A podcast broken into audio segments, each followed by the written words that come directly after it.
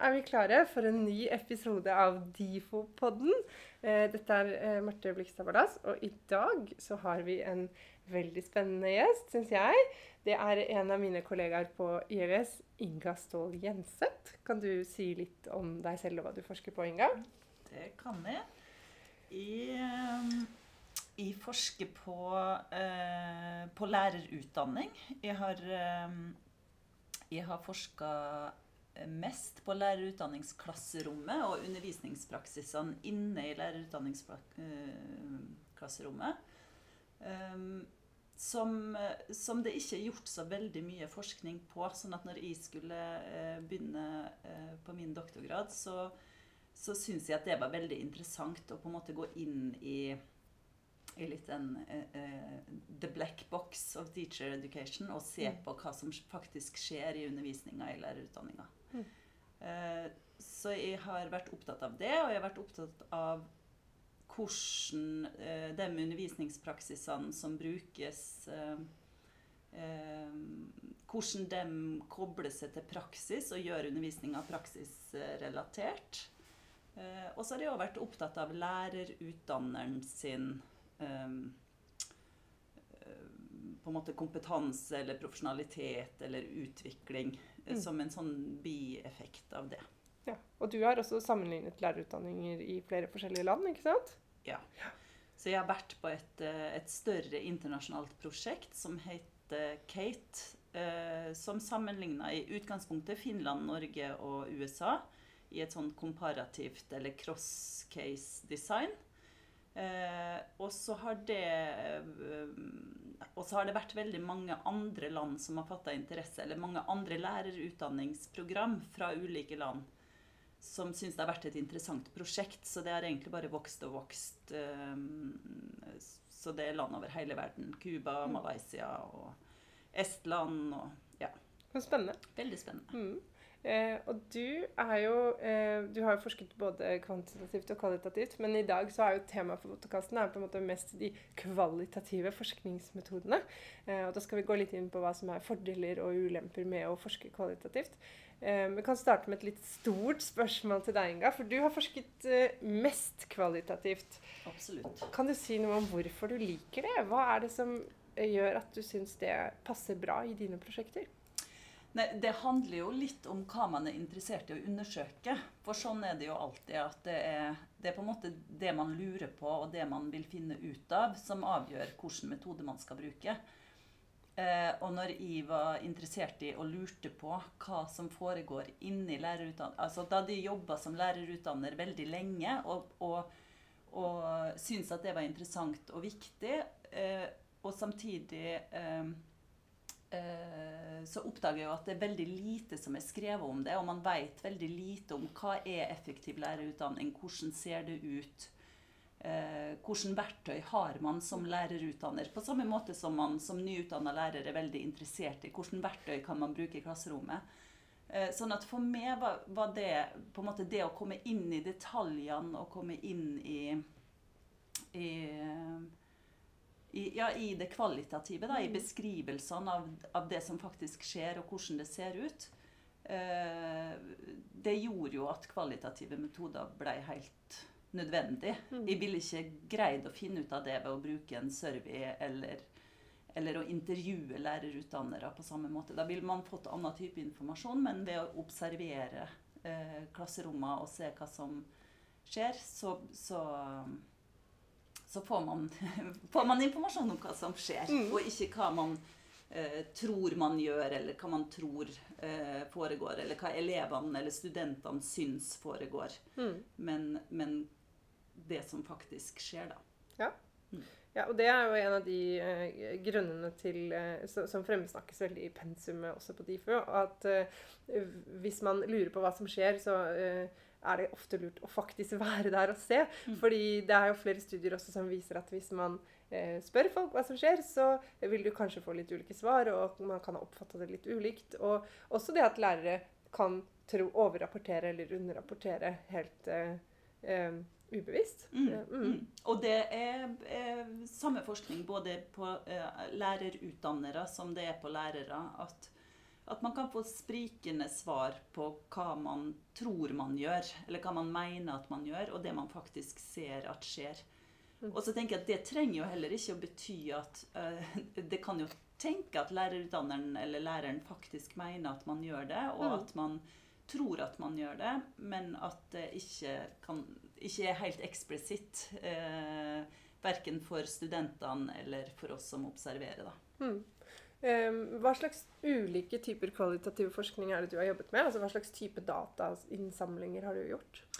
Eller vært med på? Jeg har gjort, eh, jeg har gjort eh, mest observasjoner. eh, og så har jeg gjort intervju. og jeg har gjort gruppeintervju, og jeg har også gjort en del intervju der vi har brukt artefakter og, og snakka om artefakter. Altså ting fra klasserommet, eller ting som har vært eh, Som intervjuobjekter har jobba med. Mm. Eh, Hva er fordelen med det? Altså, når du sier artefakt, så kan det kan være hva som helst. ikke sant? Det kan være en oppgave eller noe som har stått på tavla, eller noe læreren har gjort. eller... Ja. Ja. Eller, eller en powerpoint, eller Ja. hva som helst. Ja.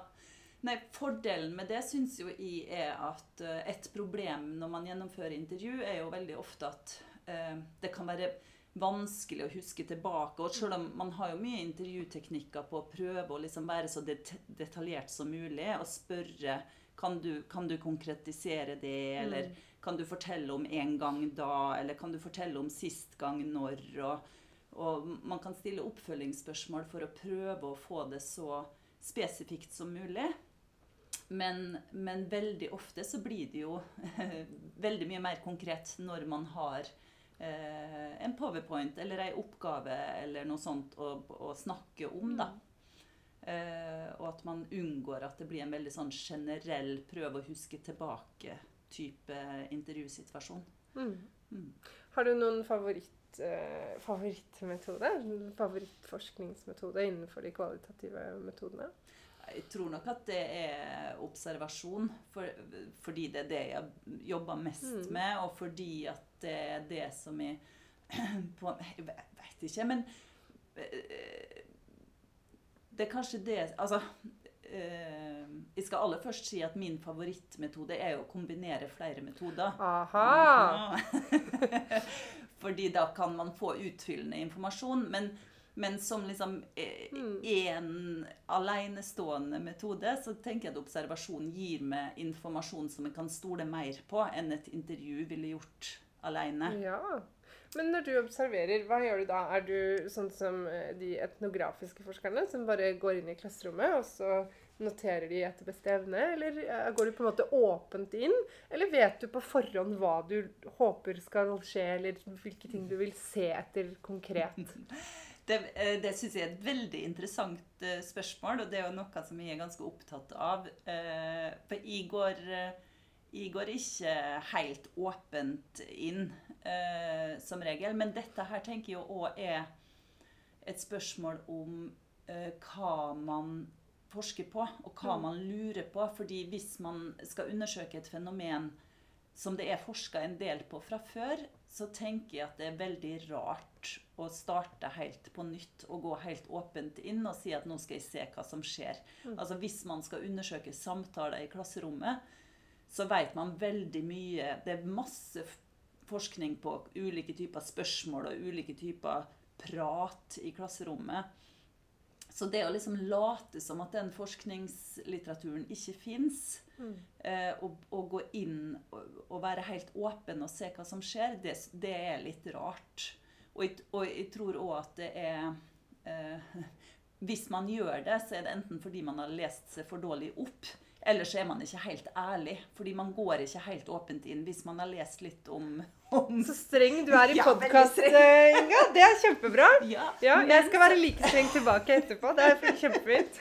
Men så kan det finnes fenomen selvfølgelig som man vet mindre om. Mm. Og, øh, og som man trenger å gå helt åpent inn og se hva er det hva er det egentlig som skjer her, og hva er det informantene mener å si og gjør. Mm. Eh, og så vil man begynne å utvikle noen kategorier og noe teori ut ifra det. Mm. Eh, som forhåpentligvis da andre vil bygge på seinere, og ikke gå åpent inn på nytt. Eh, Ja. Så dette handler jo om å akkumulere forskning, og at ikke alle skal begynne på nytt, men at man faktisk bygger på den kunnskapen vi har fått. Men når det er sagt, så betyr jo ikke det at man ikke kan gå åpent inn og være åpen for at det fins noe annet der enn en de kategoriene man Nei. har i utgangspunktet. Nei, for Det var det jeg også hadde tenkt å spørre deg litt om. fordi jeg tenker jo at Hvis vi holder oss til det eksempelet om klasseromssamtaler, eh, der er det forsket på bl.a. forskjellen på åpne og lukka spørsmål. Det er forsket på hva slags eh, respons lærerne gir, om de bruker det elevene har sagt videre osv. Mm. Eh, men hvis man har lagd veldig strenge kategorier på forhånd, så vil man kunne få noen utfordringer òg. F.eks. dette med dialogisk undervisning, som er et sånt eh, hot begrep innenfor klasseromsdiskursstudier. Eh, og det som er litt trist der, eh, det er jo at hvis du definerer eh, de samtalene veldig veldig strengt, så vil du aldri finne de. Så da finner man bare at det dialogiske klasserommet det fins ikke, fordi kategoriene er så strenge. da. Mm. Så det, det spørsmålet mitt til deg er egentlig litt Risikerer du ikke, hvis du har definert alt på forhånd, eh, at du bare finner de kategoriene du hadde bestemt deg for? Jo, og, og det er et veldig, veldig godt poeng. Eh, eh, I min doktorgrad, når jeg var interessert i praksisbaserte eh, undervisningspraksiser i lærerutdanninga, så definerte vi det på forhånd eh, i Det var vel seks kategorier vi hadde på forhånd. Der vi sa at det handler om få lærerstudentene mulighet til å planlegge undervisning, får dem mulighet til å øve seg på å undervise når de er på campus, spille rollespill f.eks. Får de mulighet til å analysere elevers læring osv. Se på video. Altså vi hadde åtte, Nei, eh, jeg tror vi hadde seks kategorier i utgangspunktet. Og så gikk vi ut og piloterte, og så ser vi at oi, her er det i hvert fall to kategorier til. Eh, fordi de kategoriene bygde jo veldig mye på den forskninga som fantes, som mm. var veldig mye amerikansk forskning. Ja. Og så piloterte vi det i et amerikansk lærerutdanningsklasserom og i et norsk. Og så ser vi at i det norske lærerutdanningsklasserommet så så vi at lærerstudentene hadde veldig mye muligheter til å sitte f.eks. og regne matematikkoppgaver som elevene deres ville ha gjort Ja. når de kommer ut i klasserommet. Sånn at da måtte vi legge til en ny kategori som handla om å ta elevrollen, f.eks., som ikke har vært beskrevet noe særlig i amerikansk eh, litteratur før. Eh, sånn at det å være åpen for at det fins eh, tilleggskategorier, det, det vil jo hele tida være en sånn prosess fram og tilbake mellom Mm. teori og den empirien du finner i datamaterialet ditt. Og så endte vi til slutt på åtte kategorier. Og så er det jo selvfølgelig da fortsatt et åpent spørsmål om er dette her utfyllende for alt som har med praksisbaserte undervisningspraksiser å gjøre i lærerutdanninga? Antagelig ikke. Vi kunne sikkert definert dem på andre måter, og, og, og vi kunne funnet andre kategorier. Og dette her har jo med begrepsvaliditet å gjøre. sant? Fordi at Det er et kjempevanskelig ord for disse helt nye studentene. Men du, hvis du forklarer hva det er, så skal du få lov til å snakke om det. Ja, sant? fordi det handler jo om da at eh, da, da kan ikke jeg si at uh, lærerutdanninga er kjempedårlig på å være praksisbaserte. Mm. Fordi at jeg har funnet ut at disse åtte dimensjonene her er de kjempedårlige på. Fordi da er på en måte praksisbasert, eller Mm. hvis man sier at det er et begrep, da, som, som jo er kjemperelevant for den type forskning som jeg driver med, så må jo jeg være veldig nøye på å ikke bare slenge rundt med det begrepet. Mm. Jeg må være nøye på å si at det begrepet har jeg definert, eller operasjonalisert, Ja. i åtte kategorier. Sånn at når jeg sier at disse lærerutdanningsprogrammene er dårlige til å koble til praksis, så handler det om at de er dårlige til disse åtte kategoriene som Mm. vi har undersøkt. Absolutt. Så det å være presis på eh, hva, som, hva som ligger i den type litt sånne vage begrep, som jo du òg har skrevet om, at det har vi masse av i Ja. i våre fag.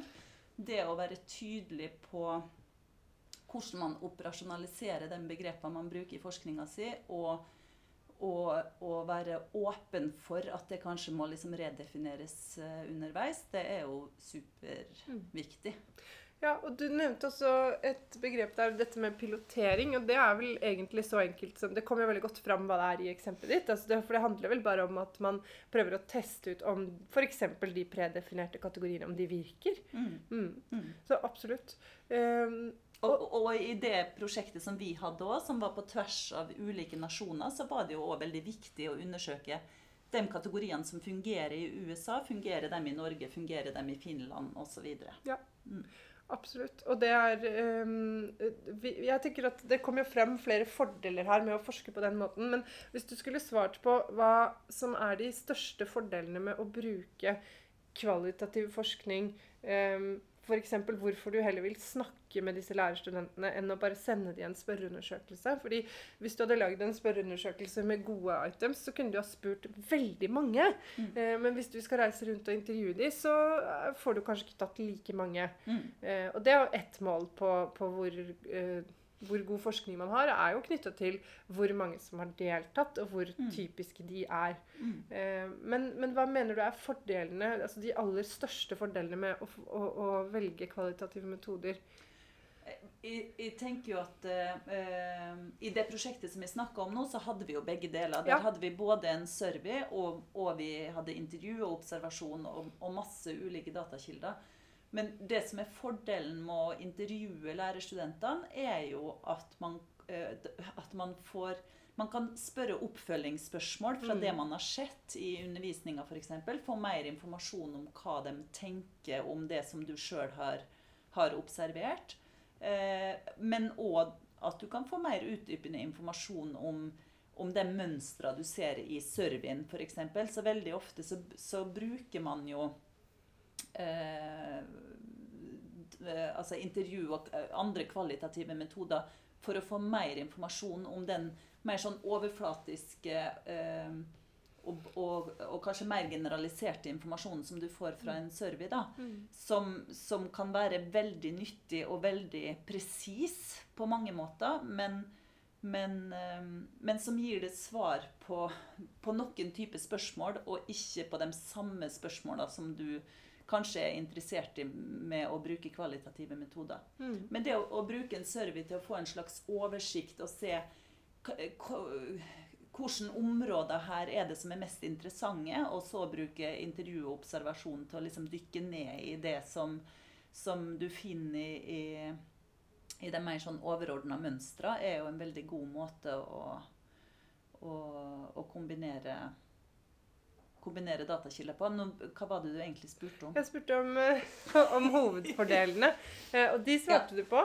Ja, men, det er litt sånn som mm. vi starta med, og at hovedfordelene er jo at du kommer i dybden. Du får mer detaljkunnskap, du får mer uh, informasjon om hva hva informantene mener og føler, og hvordan, hva de opplever. Mm. Eh, du kan spørre oppfølgingsspørsmål så du er sikker på at de har forstått det på samme måten som du har forstått det. Mm. Eh, med en service er jo det utfordrende at uh, altså, Der kommer jo òg dette med begrepsvaliditet veldig Absolutt. inn. sant? Og hvordan greier du å konstruere spørsmål mm. på en sånn måte at det dekker det begrepet du vil at det skal dekke, men òg sånn at du er sikker på at Folk forstår det likt. Ja. ja.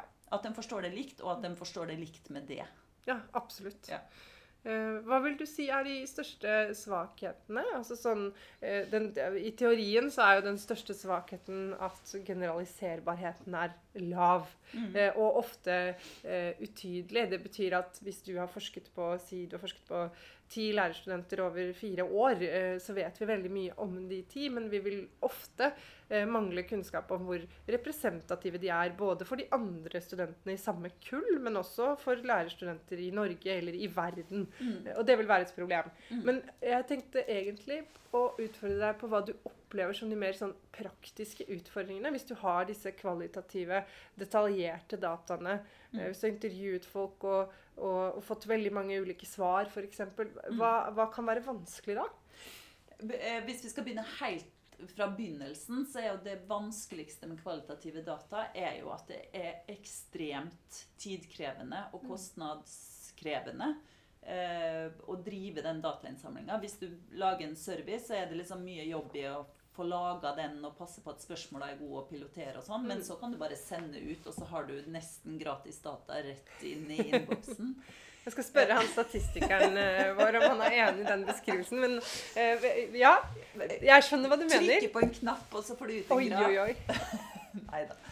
Uh, nei, men, men, sant, dette, men det er enklere. Analyseprosessen er enklere. Ja, det er helt enig. Altså, det, det, er veldig mye jobb med å dra Og særlig hvis man skal begynne med liksom videoobservasjon og sånn, Ja. da er det bare helt Ja, for da må du jo konstruere bananas. dataene, som vi kan si. ikke sant? Altså, du må jo være der og intervjue, og du må være der og se Ja. på, du må være der og filme og, Ja, og du- skjønne det etterpå. Og det er masse avtaler for å få eh, Altså både for å få samtykke, og med rektor og lærere og lærerstudenter og elever, og det er liksom en kjempemølje som du skal gjennom.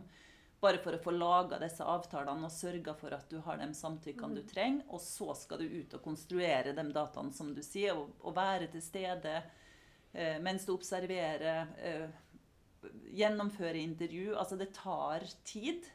Eh, og så kommer du hjem, og så skal du få alt over på trygg lagring, og du skal Ja, altså bare selve databehandlinga. Der har man jo ofte Vitassa som kan hjelpe seg, men det er jo kjempetidkrevende å ansette folk som, som, som du kan, må lære opp til Ja. hvilken type filnavn skal du ha, få et system der du og alle andre som skal bruke dataen, greier å finne fram.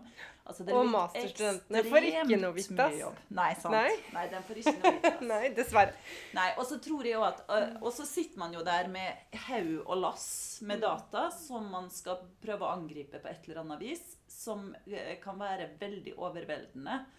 Ehm, og bare det å liksom ta fatt i og begynne å transkribere og, og innse hvor enormt tidkrevende den prosessen er med å transkribere dataen, eh, da har man liksom enda ikke begynt å få selve resultat. Nei. Så da begynner liksom analysejobben med koding eh, og sånn. Sånn at det er eh, det er nok en del jobb med den kva kvantitative Ja da, analysen du men, men eh, Det er en annen type jobb, og de er på litt ulike tidspunkt.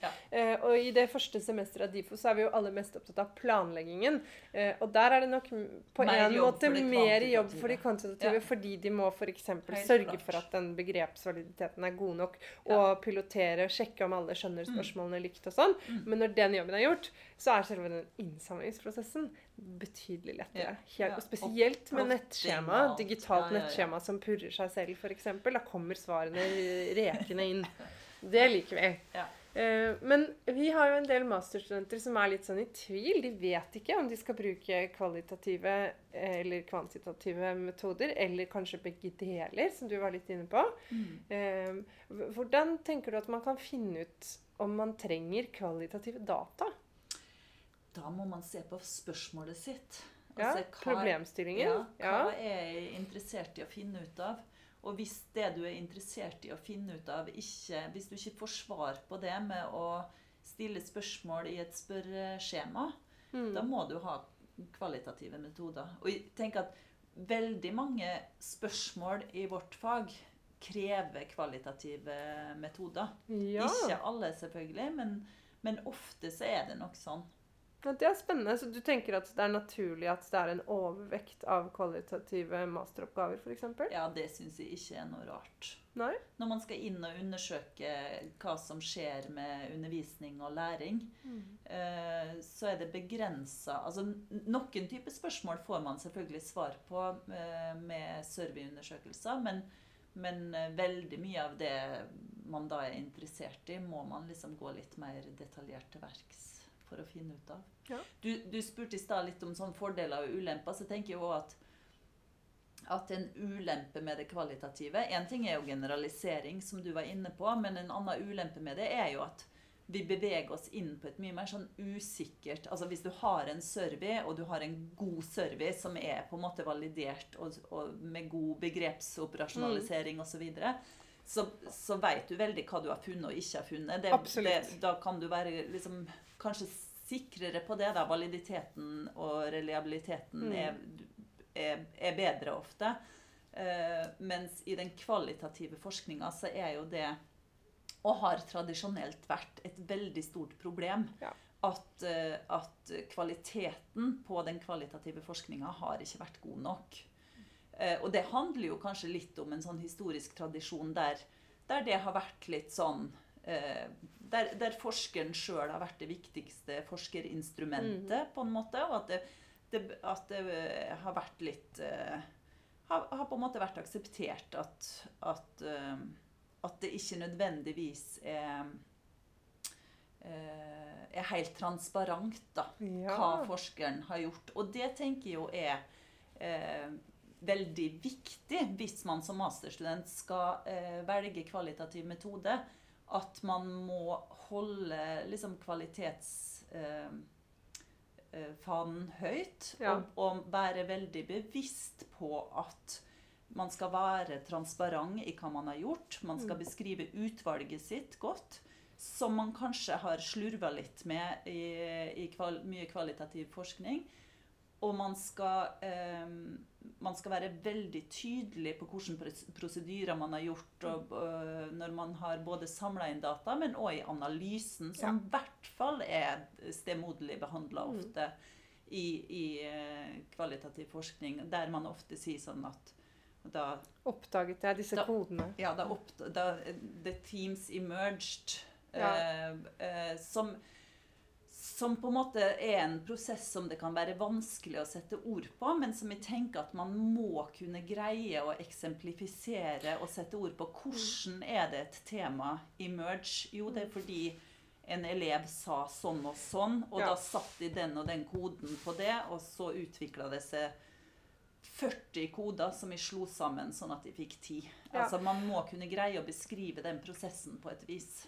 Ja, og mye av den jobben skjer jo allerede når man skal planlegge innsamlingen. fordi jeg tenker at det er akkurat samme problematikk hvis du f.eks. skal observere et klasserom, og så skal du se på elevdeltagelse. Eh, og så hvis du bare forteller om det som en slags sånn eh, kaffeslabberas-samtale, at du så ditten og datten, så er det jo greit. Men hvis det er i en, en forskningssammenheng, så forventer jo leseren å få vite f.eks. når vet du at du har sett elevengasjement? Nøyaktig hva har du sett da? Eh, har du sett elever som eh, rekker opp hånda? Eh, Har du sett at de snakker? Har du sett at de ser engasjerte ut? Og hvis du sier det, hva betyr det? At de ser engasjerte ut.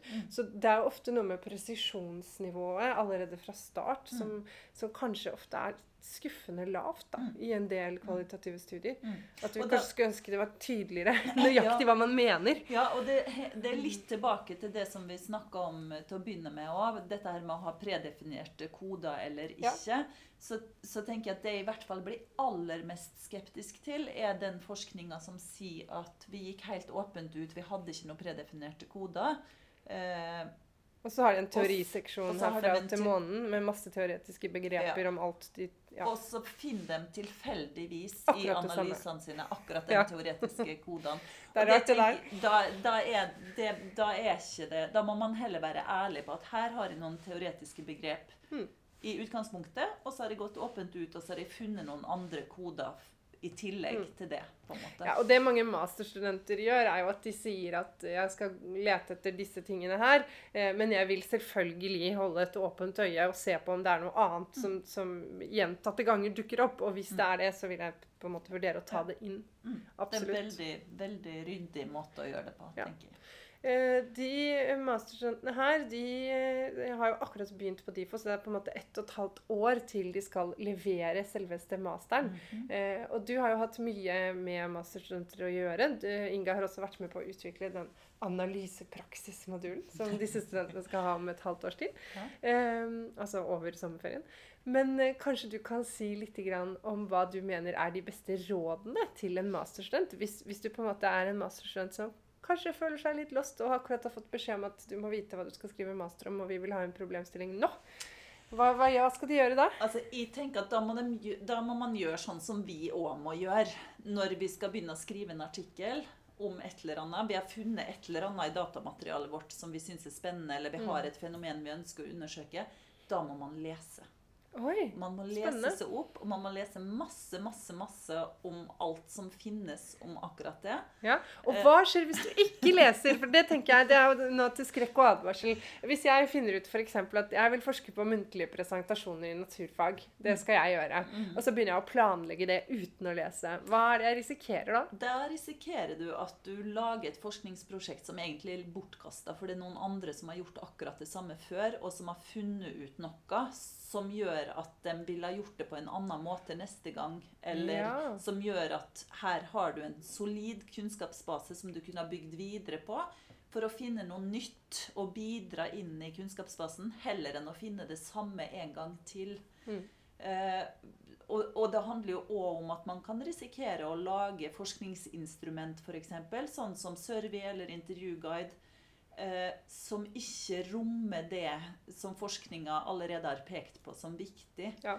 Eh, sånn at du egentlig ikke får den empirien og de dataene du trenger fordi du har spurt om feil ting. Sånn at når du skal begynne å diskutere funnene dine etterpå, så ser du av forskningslitteraturen at oi, her, her er det store hull, her er det andre ting jeg burde ha spurt om. Eller, Ja. Ja. Og det vil vi ikke. Det vil vi ikke. Nei. Nei, så jeg tenker at Det å lese seg opp og lese Mm. masse litteratur er, er superviktig. Og så er det jo, Der er jo folk forskjellige, men, men eh, noen har jo stort utbytte av å se på andre masteroppgaver. Ja. og se, Ja, vi anbefaler det veldig. ja, finne noen modelltekster og se i hvert fall på liksom innholdsfortegnelse og Mm. struktur. Og, og kanskje òg se sånn OK, hvordan skriver man et metodekapittel? Mm. Hvordan, hva er det som må være med der? Eh, kan òg være en god, eh, en god idé. Ja, og så tenkte jeg på det du sa med å lese seg opp for å se hva andre har gjort før. fordi i veldig mange masteroppgaver som ligger i, i Duo, så er det sånn at i avslutningspartiet så står det noe om eh, didaktiske implikasjoner. Og da er det veldig vanlig at det står noe om hva vi trenger mer forskning på. Nesten alle Mhm. forskere slutter, avslutter jo med det. At vi Mm. trenger mer forskning på det og det og det. Og da kan man jo på en måte plukke opp den ballen og gå videre. Ja. Eh, Og det vil jo være en veldig sånn aktualisering av den forskningen. Så det, dette er jo da både et råd til de som tror de vet hva de skal gjøre, men kan for lite om det, kanskje, Mm. og de som ikke har peiling på hva de har lyst til å gjøre. Mm. Mm. Mm. Så det er, det er et veldig godt råd. Et siste råd òg. Ja. det er jo å jobbe mye med, med altså selve liksom metodeplanen og metodeinnhentinga og på, altså intervjuguide eh, Hvilken type spørsmål skal man stille? Ikke gå ut og samle masse data som Nei. du ikke får bruk for. på en måte. Bruk tid på å planlegge den uh, datainnsamlinga godt. Mm. Og hele designet ditt på en måte, og hvordan det skal henge sammen. Ja. Um, og nå tenkte jeg en veldig lur ting sikkert, som forsvant for meg. Jeg tror både jeg og du er noe av de eh, litt sånn strenge på dette med at gode data er godt planlagte data. Da vet du hva slags type data du trenger på forhånd. Mm. Eh, så det å på en måte f.eks. observere klasserom for å få en sånn feeling av hva som skjer. Eh, Jeg gjør det noen ganger, men da er det for å planlegge eh, spørsmål jeg kan stille. Eller da har jeg i hvert fall en, en slags idé om hva er det jeg vil eh, At jeg må vite mer om hva som faktisk foregår, for å kunne snakke med akkurat de elevene. For eksempel. Mm. Så sånne data, Da er det ikke datainnsamling, da er det forarbeid til datainnsamling. Nettopp. Så det å bare være et sted det, Jeg er veldig eh, opptatt av at det ikke er forskning. Eh, Hvis man ikke har noen systematisk inngang eller noen systematisk måte å nedtegne det som skjer på. Mm. Mm. Så vi, planlegging og lesing, det liker vi. Det liker vi Det godt. liker vi. Har du husket det spennende siste rådet ditt? Nei. Nei! da kan jeg love dere at Inga kommer til å komme på det eh, senere eh, og bønnfalle oss om å ta det inn i podkasten. Og det kommer vi ikke til å gjøre. Eh, men jeg tror mange av dere kommer til å møte Inga enten i en gjesteforelesning eller kanskje i analysepraksis. Det kan dere glede dere til. Eh, tusen takk for at du kom. Veldig hyggelig å være her. Ja.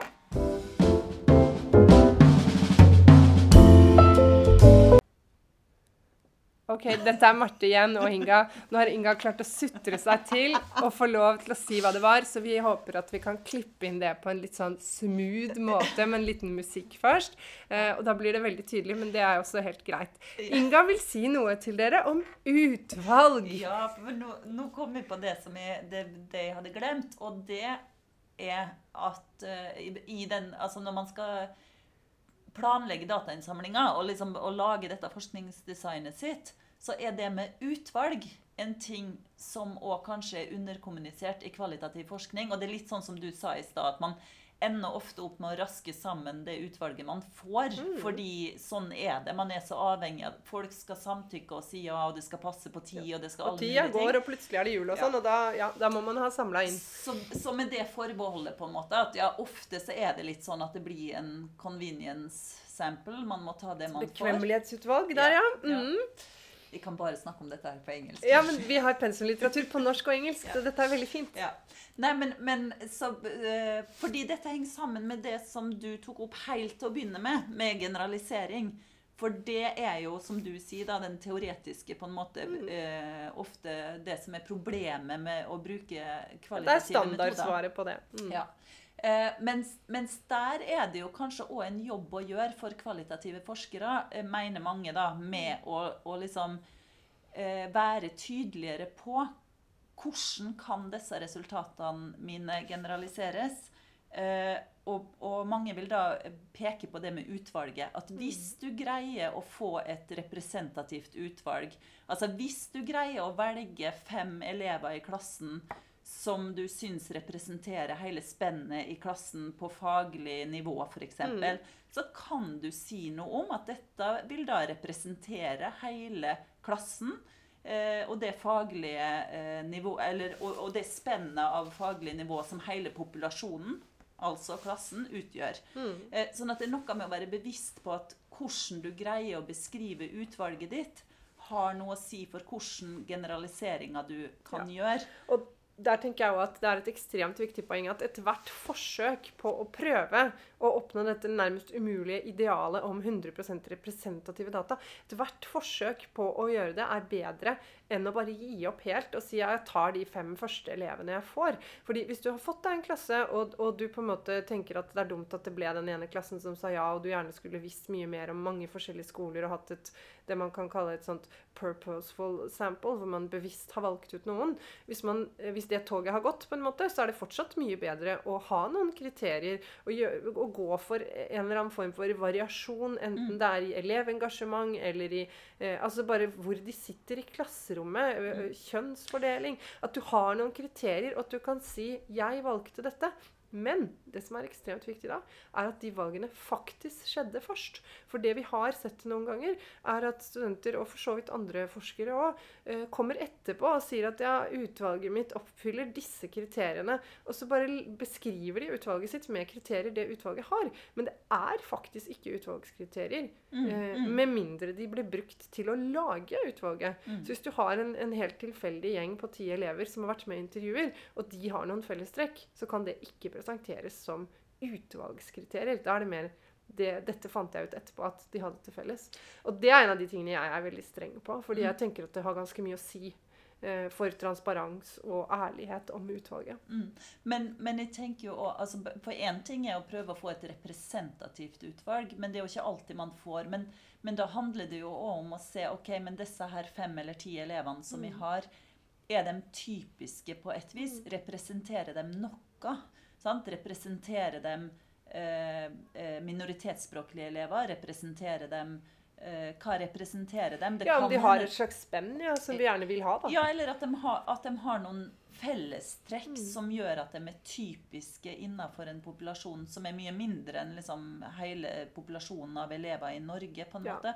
Men, men poenget er egentlig bare at vær bevisst på å beskrive det utvalget du har, og se om det Hva er felles her, og hva er, hva er ulikt mellom disse her elevene? Mm. Og hvordan kan de bruke det til å si noe eh, mer generaliserbart enn bare om liksom, den ene eleven som har gitt et utsagn sånn Ja. eller sånn. Ja, og dette er jo ting sensorer og leserne kommer til å lure på. Vi undrer oss jo alltid over hvor kom, hvordan ble disse valgt. Så hvis, hvis masterstudentene skriver 'og så valgte jeg fem elever', så er det sånn Hvorfor? Hvordan? Hvordan skjedde det? Uh, at vi gjerne vil vite mer om det. Og så tenkte jeg en ting til som så veldig bra at du tok opp dette spørsmålet om utvalg. For det er en ting til jeg har tenkt på der, og det handler om eh, disse utvalgene hvor vi eh, velger variasjon. Altså vi går for et spenn. Så vi vil ha eh, mange kjønn, altså t både gutter og jenter. Eh, vi vil ha høytpresterende, lavtpresterende osv. Det er en del eksempler på utrolig gode masteroppgaver hvor man har gjort det motsatte. Altså hvor man har sagt at Eh, ok, denne ene tingen syns veldig mange elever er vanskelig. Eh, f.eks. kritisk lesing er det mange elever som syns er vanskelig. Mm. Hva gjør vi da? Jo, vi tar en kjempevanskelig tekst, og så i stedet for å se hvordan det går med alle og den teksten, tar man bare de sterkeste. Mm. Altså at samplingskriteriet, utvalgskriteriet, er jeg vil ha elever fra ulike klasser som alle sammen har fått seks i standpunkt i norsk, Mm. eh, som er et av de vanskeligste fagene å få den standpunktkarakteren i. Så da vet vi at de er representative for høytpresterende elever også i andre fag. Det kan du vite. Og så kan man eh, tromme sammen de og kjøre intervjuer på bare de. Så da er de elevene egentlig eh, representanter for en hel gruppe, men ikke alle elever, men for høytpresterende elever. Ja, Så du- sånn går det an å tenke også. Ja, for det du òg finner ut da, er jo hva er potensialet i, i dette her. Hva er mulig å få til? Og, eh, og så kan man jo på en måte dagen snakke om at dette her vil ikke være mulig for alle elever, men med noen tilpassinger sånn eller sånn, så kan kanskje også flere elever få det til. Men, men at poenget da blir jo å undersøke eh, hva, er, hva, er, hva er mulig å få Ja. til eh, med kritisk lesing, hvis det er det som er, liksom, er Ja, pluss at du vil jo få en sånn morsom didaktisk tilleggsgreie på at eh, hvis til og med de elevene som er 19 år og har fått karakter 6 i standpunkt i norsk, hvis ingen av de i utvalget klarer det du ber de om, da vet du at det er for vanskelig. Altså at det er en for krevende oppgave for Ja. alle elever. Ja. Eh, Så, så du kan jo gjøre noen sånne inferenser og tolkninger også. Så Ja. det er jo spennende. Men så bra at du kom opp på dette, da, Inga! Men nå lover jeg på ordentlig at det er det siste vi skal snakke om. Ha det, da! Ha det!